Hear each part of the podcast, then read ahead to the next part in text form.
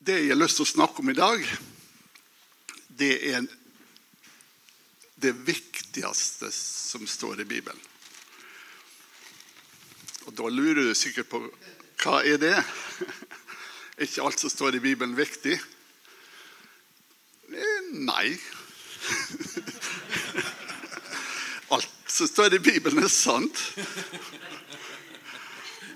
Men eh, du kan godt plukke ut ting der som eh, Og bare undervise det og bomme fullstendig. Det er noe i Bibelen som er viktigere enn andre. Og for å ikke røpe hemmeligheter riktig med en gang, så vil jeg begynne litt med, med det som var fra evighet av. Og hva var det? Det var den treenige Gud. Gud, Jesus, Gud, Sønnen og Den hellige ånd. Og de tre hadde det kjempefint i lag, tror jeg. Det står ikke så mye om det i Bibelen, men de, jeg tror de hadde en kjempegod relasjon. Men så skjer det det at Gud ønsker relasjon med flere. Derfor så ville Gud skape mennesket i sitt bilde, slik at han kunne ha en relasjon med flere. Ikke fordi at han mangla noe, men fordi at han ønska å dele noe. Han ønska å dele sin kjærlighet med noen andre. Og det kan vi sikkert kjenne litt igjen. At det er kjekt å dele kjærlighet med noen. Det er kjekt å gjøre noe godt mot noen. Det er kjekt å forbarme seg over noen som trenger det. Det er kjekt å gi gave. Det er kjekt å være snill med noen. Og det kalles kjærlighet. Så det viktigste i Guds ord, det handler om kjærlighet. Og så er det har vi mennesker lett for å misforstå ting. For det at eh, det blir ofte forkynt om kjærligheten både i kirke og i, i eh, forsamlingshus og forskjellige slag. Men det blir ofte snudd litt på hodet, for det blir forkynt at vi skal elske Gud. At det er det som er kjærligheten. Men det, det sier jo Bibelen veldig tydelig at eh, det ikke er. Og da kan du, Jeg har fått med Marianne, slik at jeg ikke bare skal høre stemmen min, så hun skal lese noen bibelvers. Så kan du lese det som står i 1. Johannes 4,10. I dette er kjærligheten. Ikke at vi har elsket Gud, men at Han har elsket oss og sendt sin sønn til soning for våre synder. Kjærligheten er ikke at vi har elska Gud, men at han har elska oss. Og ta blir så ofte snudd på hodet. Og i vår relasjon til Gud òg så snur vi det ofte på hodet. Vi tenker som så at hvis vi ikke vi har elska Gud nok, hvis vi ikke vi har levd ut den kjærligheten nok, så vil ikke Gud velsigne oss, så vil ikke Gud høre bønnene våre, så vil ikke Gud eh, Da kan ulykker ramme oss og alt mulig sånne ting. Det er ikke sant. Guds kjærlighet det, den kalles for agapekjærlighet. Og det er en kjærlighet uten betingelse. Uten betingelse.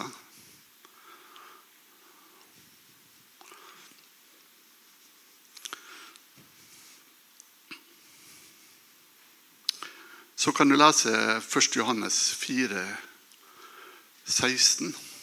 Vi har lært kjærligheten å kjenne og komme til tro på kjærligheten. den som Gud har til oss. Gud er kjærlighet, og den som blir i kjærligheten, blir i Gud og Gud i Han. Gud er faktisk kjærlighet.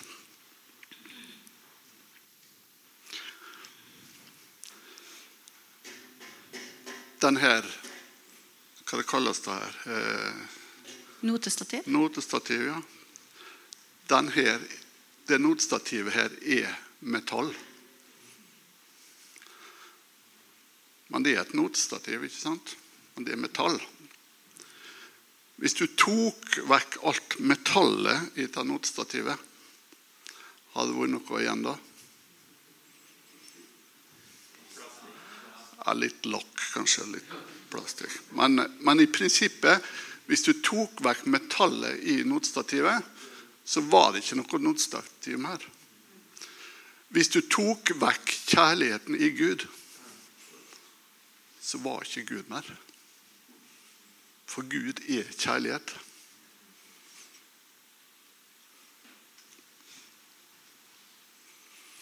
Og den som blir i kjærligheten, han blir i Gud, og Gud i han.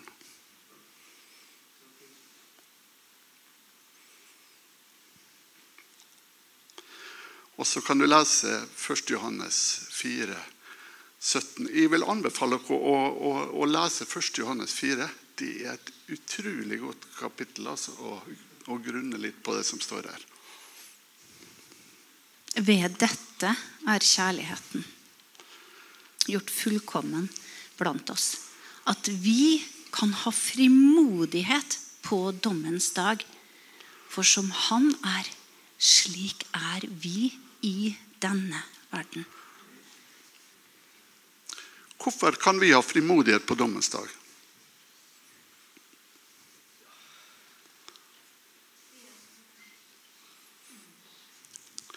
Det er fordi at vi er slik som han er midt i denne verden. For slik som han er, slik er vi midt i denne verden. Vi er rettferdige. Og hvis vi ser hvem vi er i Kristus, da kan vi ha frimodighet på dommens dag. Men ikke bare på dommens dag. Da kan vi ha frimodighet hver eneste dag. For da vet vi det at vi, det er ingen som har noe imot oss. Er Gud for oss, hvem er da imot oss? Ingen. Da kan vi ha frimodighet. Når vi ber, så kan vi ha frimodighet. Vi trenger ikke å tenke at Gud svarer ikke noen bønner her, for jeg, jeg, har ikke betalt eh, Jeg har ikke gitt tienden av måneden. Nei. Det handler ikke om det i det hele tatt. Av og til så kan det være eh, artig å lese. Eh, eh, jeg har noe som heter Blue Letter Bible. Jeg vet ikke hvor mange som kjenner den. Ja, Det er noen som har brukt den. Den kan du laste ned på, på mobilen din helt gratis, og der kan du se den engelske teksten sammenlignet med den greske teksten. Da får du av og til noen åpenbaringer. Kan du lese Johannes 17,3, Marianne? Dette er det evige livet, at de kjenner deg, som er, har da det greske ordet ginosko. Jeg vet ikke uttalen jeg, men Ja, men det er rett nok det. Den eneste sanne Gud og Jesus Kristus, han som du har utsendt. Ja.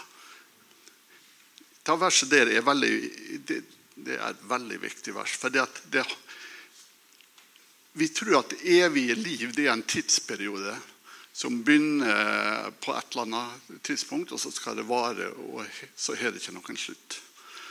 Men ta verset her viser at evig liv er egentlig ikke det. Det handler ikke om å eksistere i all evighet, for det skal faktisk alle gjøre.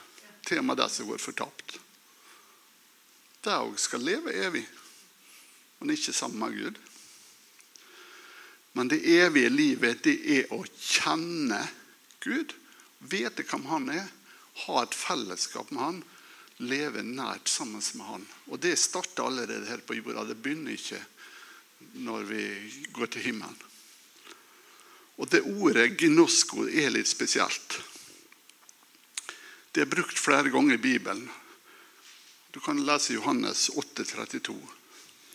Dere skal kjenne sannheten, og sannheten skal gjøre dere fri. Hvem er sannheten? Det er Jesus. Når vi kjenner Jesus, da blir vi satt fri. Men ordet gnosko er brukt flere plasser i Bibelen. Og den er brukt i Matteus kapittel 1, vers 25. Hva så står det da, Marianne? Men han levde ikke sammen med henne før hun hadde født sin førstefødte sønn. Ja, og det òg er ordet gnosko. I King James eh, eh, eh, så står det at han, han, at han kjente ikke Maria før, før hun hadde født sin førstefødte sønn. Sånn at det ordet 'å kjenne' det handler egentlig om en veldig intim relasjon. ikke sant? Den relasjonen som, som etter hvert ble mellom eh, Maria og Josef. Sånn intim relasjon vil Gud ha med oss. Tenk litt på det. Det handler ikke bare om å vite om han og ha masse kunnskap om han. Men det handler faktisk om et tett, tett nær relasjon. Og det blir jo Det tar ikke noe som jeg har på. Det, det blir jo bekreftet andre plasser. Vi, vi synger jo en sang om 'Han er min brudgom, jeg er hans brud'. ikke sant? Altså, Brud og brudgom er jo et bilde som, som Bibelen bruker om relasjonen mellom eh, Gud og mennesket. Sånn at, Hvorfor sier jeg dette? her? Jo, for jeg, jeg, tror kanskje mange av oss, og det er kanskje til og med de fleste av oss, lever i et litt sånn overfladisk relasjon til Gud. Litt sånn teoretisk. Vi går på gudstjeneste, vi, vi kan masse om Gud, vi pugger bibelvers, vi hører Men lever vi egentlig i en djup, nær relasjon som kan sammenlignes med et ekteskap? Vi kan spørre oss sjøl. I salmen, Salme 34, 34,9 så står det noe fint. Smak og se at Herren er god. Salig er den mann som tar sin tilflukt til ham. Gud vil at vi skal at vi skal smake og kjenne at han er god. Å smake, hva betyr det? Da tar vi noe inn i kroppen vår. ikke sant? Det er, det er veldig nært når du smaker på noe. Og så skal vi kjenne at Herren er god.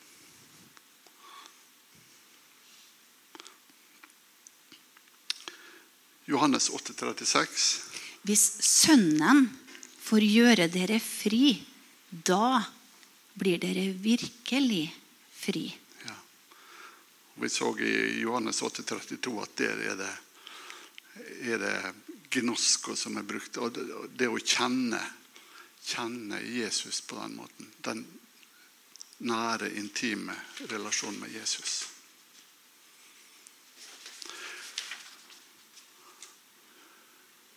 I Gamle Testamentet så hadde David opp, oppdaga akkurat det samme. Han sa et eller annet i Salme 84, 11. For én dag i dine forgårder er bedre enn tusen andre. Ja.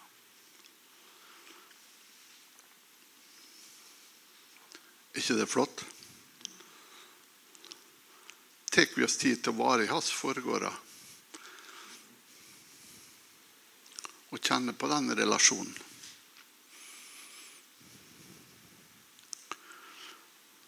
Det står mye annet i Gamle testamentet òg. Som jeg, jeg kalte det jeg snakker om her, for uanstrengt relasjon. Og det, det, går igjen så mange plasser i Bibelen at vi skal senke skuldrene. Vi skal, vi skal få hvile. Og Salme 23 sier jo noe om det. Han lar meg ligge i grønne enger. Han leder meg til vann der jeg finner hvile. Er det sånn vi opplever kristenlivet? At det å ligge i grønne enger Ynkvann ganger. Ja, det er noe bra, det. At det er ynkvann gang. Men jeg tror kanskje at det er sånn eh, vi skal oppleve eh, at det skal, er sånn det skal være å leve kristenlivet. da. I eh, andre Mosebok, kapittel 33, så Der møter Moses eh, Gud opp på fjellet. Og, og Moses han er egentlig litt fortvila. Eh, vi tror kanskje at Moses kjente Gud veldig godt. Men egentlig så tror jeg ikke at han gjorde det. Husk på Moses ble tatt fra foreldrene sine når han var ganske liten.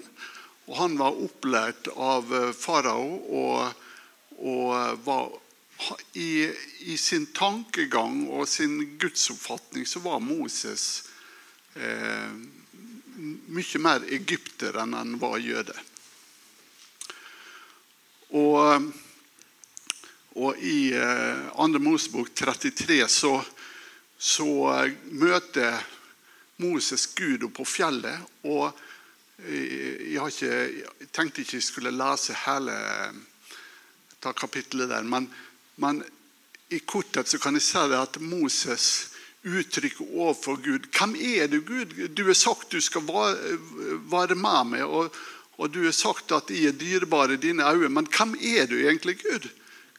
Vis meg, vis meg hvem du er. La meg få se dine veier, står. Og så sier Gud det at, at det kan ikke vise det. Ja, han, han ikke, og, og, Grunnen til at han sier det, er at det vil ta en hel evighet å bli kjent med Gud. Og Så lenge kunne ikke Moses være på fjellet. Men Moses sier at du kan få se meg, men du får ikke se ansiktet mitt. For at hvis du får se ansiktet mitt, så vil du ikke gå ned igjen. Sier han egentlig. For da vil du bare komme opp i himmelen til meg. Men du skal få se meg bakfra. Og det vi vet som skjer, er at, at eh, Moses får se han bakfra, og når han kommer ned fra fjellet, så lys, lyser det fra ansiktet hans. Fordi at han har fått sett Guds herlighet. Litt av Guds herlighet har han fått sett. Og hva vil det gjøre med oss når vi ser Guds herlighet? Jeg tror ta møtet Moses hadde med Gud på fjellet, var veldig avgjørende for at han faktisk klarte å føre folket 40 år i i ørkenen. Og der eh, kan du lese eh, Jeg har valgt å gjengi den engelske versjonen, for den syns jeg bedre enn den norske. Har du den der? Eh? Tar du den på engelsk? Ja, ta den på engelsk. And he said, My presence will go with you, and I will give you rest. Ja. Mitt nærvær skal gå sammen med deg. Mitt ansikt står på norsk, eller eh, åsyn står det vel på norsk. og Det syns jeg ikke var så godt. Men mitt nærvær skal gå sammen med det. Og det, hva skal det føre til? Ja, Det skal føre til at du skal få være i hvile. Akkurat det samme som står i Salme 2, eh, 23 om at den skal la oss ligge i grønne enger og lede oss til vann der vi finner hvile. Gud vil at vi skal være i hvile. Gud vil at og det å vandre med Han skal være noe avslappende, noe lett, noe godt.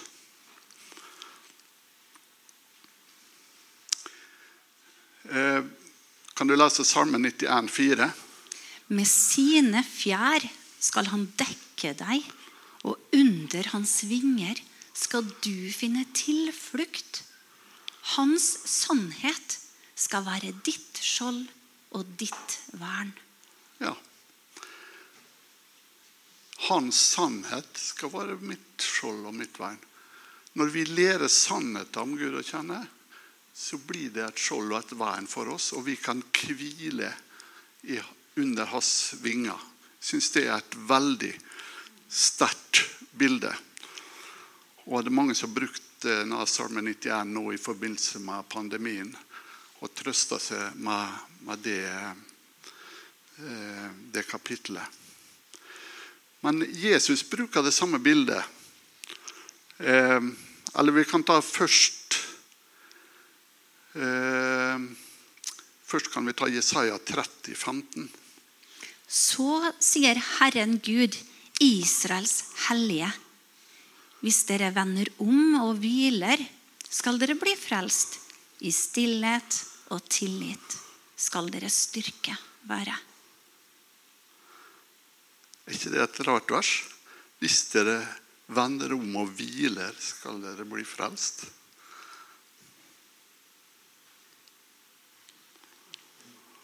I stillhet og tillit skal din styrke være. Men så står det noe mer. Men dere ville ikke.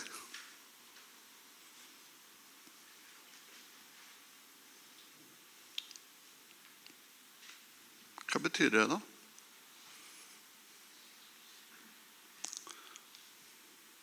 Vi kan jo velge, da. Vi kan velge, ja. Vi ville bekymre oss, ja. Jeg tror det at egentlig så vil vi vel eh, eh, være i en slik hvilesituasjon. Men vi tør ikke. Vi tør ikke å overgi oss til Han. Vi tør ikke å, å gå inn i den hvilen som Gud har for oss. Den som Moses fikk oppleve når han så, så uh, Guds egentlige eh, personlighet, eller Guds eh, Hva det heter det? Hæ? Nærvær, ja. Han, han, så hvem Gud var. Han så en riktignok bakfra, men han så hvem Gud var, og det ga han, gjorde at han senka skuldrene og kom i en hvilesituasjon. Og hvis vi ikke er i en hvilesituasjon, så tror jeg det er fordi at vi egentlig ikke har sett helt hvem Gud er. Vi har ikke helt sett at han er til å stole på. Vi har ikke helt sett at han svarer bønner. Vi har ikke helt sett at han bryr seg om oss. Vi har ikke helt sett at han elsker oss på tross av og ikke på grunn av. Og så sier Jesus noe i Lukas kapittel 13, vers 34. Hvor ofte vil jeg ikke samle dine barn som en høne samler kyllingene under vingene sine? Men dere ville ikke. Det sier egentlig akkurat det samme.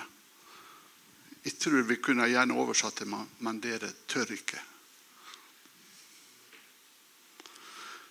Hvile, det er en hjertetilstand. Og vi har mange eksempel i Bibelen på det, og nå skal jeg nevne noen. David, der han står framfor Goliat. Virker det som, som David er redd? Nei, ikke i hele tatt. Han er heller indignert over den filisten som står der og spotter Gud. Og han springer fram. Og så sier han at skal, i dag skal jeg hogge hodet av det. Og det sier han sjøl om han ikke har noe sverd. Han har bare ei slynge. Det viser at, at, at eh, David er helt trygg i den situasjonen der. For det var en mann etter Guds hjerte. Han har en hjertetilstand som var i orden. Daniel i løve, som blir kasta i løvhåla, akkurat det samme. Han sa det at eh, eh ja, hvis jeg kaster meg i løvhåla, så vil Gud beskytte meg. Men om han ikke gjør det, så spiller det ingen rolle. Jeg vil uansett ikke bøye meg for det. Hva viser det? En hvile. Trygghet i hvem han er, og hvilken relasjon han har med Gud. Paulus og Silas i fengselet Vi så bilder av det her forrige søndag. De satt og sang lovsanger i fengselet. Hva sa det? Jo, det sa noe om et hjerteforhold. De visste hvem de var i Gud. De visste at Gud ville beskytte. Så sjøl i fengselet så ble de ikke uroa. Stefanus, som ble steina, ansiktet skein. Og så sier han, 'Herre, tilgi dem, for de vet ikke hva de gjør.' Når steinene flaug rundt ørene på han. Han sannsynligvis var allerede mye såra. Tillit til Gud. Han visste.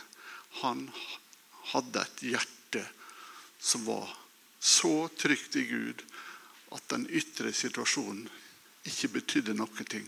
Han var i hvile. Og Så kan du lese Hebreerne 4, 9-11.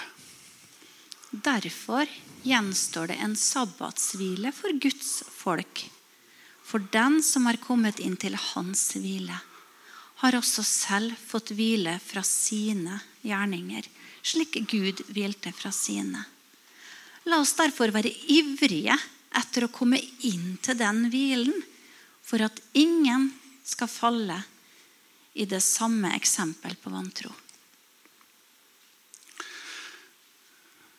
Det, når Gud hvilte på den sjuende dagen, så blir det av og til framstilt slik at Gud var sliten og måtte hvile på den sjuende dagen, for han har gjort så mye.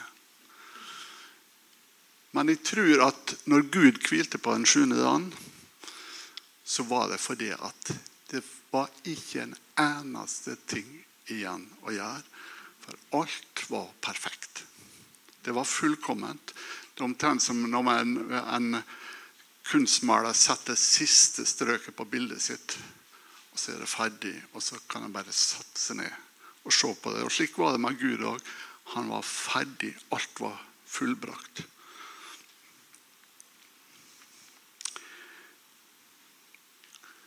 Men er alt ferdig for oss, da? Det er faktisk det. Alt er ferdig gjennom det Jesus har gjort for oss på korset. Alt vi trenger, har vi i Han. Derfor kan vi òg gå inn i ei slik hvile. Men, men vi må tro at det er sant, og vi, vi må se det, og vi må tro det. Og israelsfolket det blir jo sammenligna her at for, eh, Det står i siste setninga der for at ingen skal falle i den, det samme eksempel på vantro. Og det er jo snakk om israelsfolket. Gud har gjort det ferdig for dem. Han har sagt at alle plasser det satt føttene deres, det skal gi dere. Men de turte ikke. De ville ikke. De turte ikke. De gikk heller i ring i ørkenen i 40 år. Og Det kan være slik for oss òg at vi går i ring For vi tør ikke gå inn i det landet som Gud har for oss. Inn i den hvilen som Gud har for oss.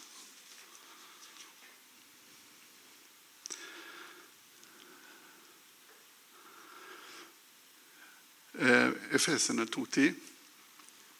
For vi er Hans verk, skapt i Kristus Jesus, til gode gjerninger, som Gud har gjort ferdig på forhånd for at vi skulle vandre i dem. Det er jo et vers som blir brukt en del. Men jeg tror noen ganger blir framstilt slik at eh, ferdiglagte gjerninger er en arbeidsliste som Gud eh, spikrer på veggen for at vi skal henge i stropper. Men sånn er det ikke. Det er vi som henger i stropper med ting, en arbeidsliste som vi har laga sjøl. Den dagen vi begynner å gå i ferdiglagte gjerninger, så kan vi gjøre det samme med unormalt liten anstrengelse. Og, når jeg eh, skrev det her, så kom jeg plutselig på følgende bilde. Ferdiglagte gjerninger det er når bestefar har kjøpt en trøbil til treåringen. Og så går en pappa foran og drar, og mamma går og dytter bak. og da går det av seg sjøl. Så det er Gud som anskaffer, og så er det Jesus som drar, og Den hellige ånd som dytter. Er ikke det et fint bilde? da? På det livet vi skal leve. Det er det som menes i Matteus 11,30. For mitt åk er enkelt, og min byrde er lett. Det er han som drar den største børa, men vi skal få gå attmed og dra i lag med han. Og så kan du lese salmene 127, vers 1 og 2. Hvis ikke Herren bygger huset, arbeider bygningsmennene forgjeves. Hvis ikke Herren vokter byen, våker vaktmannen forgjeves. Da er det forgjeves at dere står tidlig opp og sitter oppe til det er sent og sliter hardt for å få brød å spise. Det samme gir Han sin elskede mens han sover. Ja, men Tarald, du gjør det jo altfor enkelt. Det er jo ikke slik i praksis. De, de kristne må slite og streve litt. og vi, vi, skal jo kjempe mot makter og myndigheter og, og bruke åndens sverd. Og, og, og, Nei, men er det slik, da? Vi må ikke glemme at den onde er beseira på korset. Han er ikke død, men han er beseira. Han er som en vingeklippa hane med mye lyd, men lite kraft. Jakob 4,7 sier at vi skal holde oss nær til Gud og stå djevelen imot, og så skal han flykte fra oss. Han skal ikke bare overgi seg og gå motvillig. Nei, da får en som ei skadeskutt kråke. Så den største motstanden er ikke hos djevelen. Den største motstanden er i vår tanke. Den er i hodet vårt. Om ting vi forestiller oss som vi tror er problem, og som vi tror vil stoppe oss. Jesus han holder det han lover. Han er lova å varme oss alle dager inn til verdens ende. Og det er en rekke løfter i Bibelen som, som eh, han har tenkt å holde. Du kan lese Jesaja 55, vers 5-10. Nei, 10-11.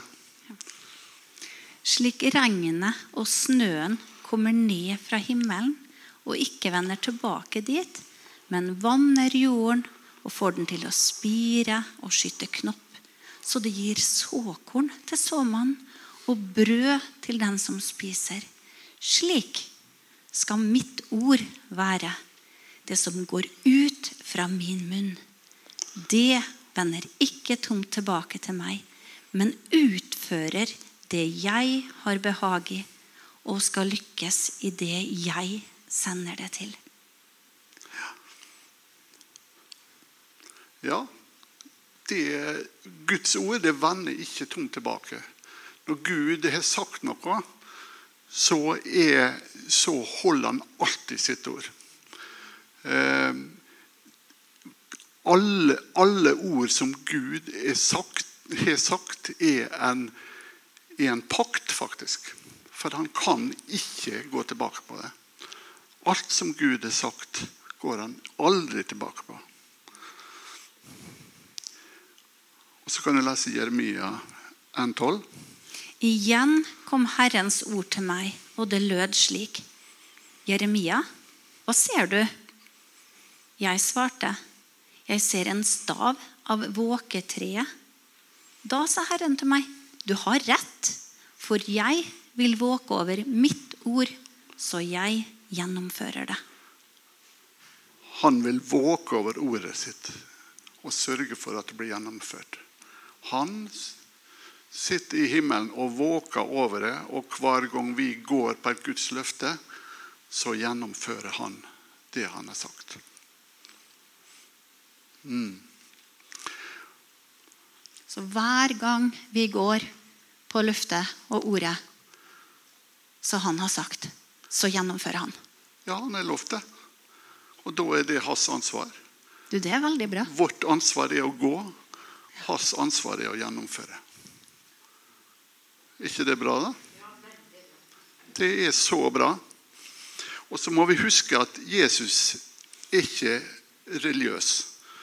Han, vi tror gjerne at Guds løfte gjelder alt som skjer i kirka og på bedehuset og når, vi, når vi sitter og studerer Bibelen.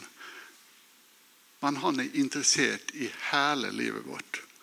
Han er interessert i å hjelpe oss på kjøkkenet og i hagen og i garasjen. og Han, han bryr seg om relasjonene dine og huset ditt og økonomien din og hobbyene dine. Alt sammen, hele det, er Jesus interessert i.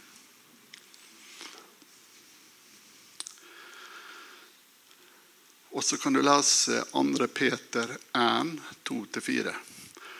Og er en litt sånn oversatt versjon. Må nåde og fred bli mangfoldiggjort hos deg gjennom kunnskapen om Gud og Jesus, vår Herre, ettersom Hans guddommelige kraft har gitt oss alt som tjener til liv og relasjon med Gud gjennom kunnskapen om Han som har kalt oss til herlighet og hellighet. Ved dette har han knyttet overmåte store og herlige løfter. Dere skal få del i guddommelig natur etter at dere har sluppet fri fra forførelsen som ligger i verden gjennom lystne. Er et veldig sterkt vers og kunne sikkert holdt en hel tale om bare det. Men, men det, som vi, det som tar verset forteller oss, er at vi trenger kunnskap. Vi trenger å gå inn i Bibelen og studere Bibelen for å skjønne hva vi har fått. For at vi har fått alt som tjener til liv og til relasjon med Gud. Gudsfrykt står det vel i noen eh, oversettelser, men det er litt belasta ord. Men det handler om denne relasjonen med Gud som vi snakka om her i begynnelsen av talen. Og alt som tjener til liv. Ja, hva er liv, da? Det er alt vi beflitter oss med i løpet av dagen. Alt har Han gitt oss. Men vi trenger å få vite det for hvis vi ikke vet det, så kan vi heller ikke handle på det. Hvis vi ikke vet at noen har satt en million inn på kontoen vår, eller hvis vi ikke vet at vi har arva en eh, onkel i Amerika, så, så, kan vi heller ikke få noe nytte av det. Vi må vite. Kunnskapen er veldig viktig. Derfor så det å studere Guds ord Det er utrolig viktig. Og så den siste setninga der høres nesten utrolig ut. Det står at dere skal få del i guddommelig natur etter at dere har sluppet fri fra forfølelsen som ligger i verden gjennom lystene. Det som ligger mest naturlig for oss mennesker, det er å føle lystene våre. Og Når det står 'lyster' her, så er det, jeg tenker ikke bare på, på hor og, og, og slike lyster. Men, men alt, når, når det, er, det følelsene våre som styrer oss, det er lystene våre.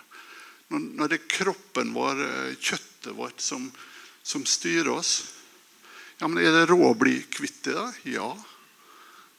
Det er det som står i, om i Romerne 12 om at vi skal fornye sinnet vårt. Og ikke skikke oss lik med denne verden her. Vi, skal, vi er åndelige vesen. Vi skal leve på en annen måte enn det verden lever.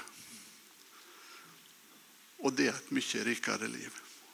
Og det er det som er budskapet mitt i dag. Det er det som er framtida for Nordvestkirka.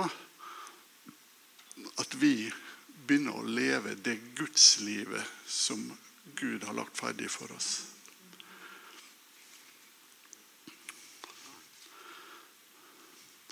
Og så vil jeg avslutte med Galaterne 5-6. og Det tror jeg kanskje ikke du eh, har på lista di. Nei da, men jeg har en bibel her. Jeg vet ikke om det er godkjent det versjon. Det er bra.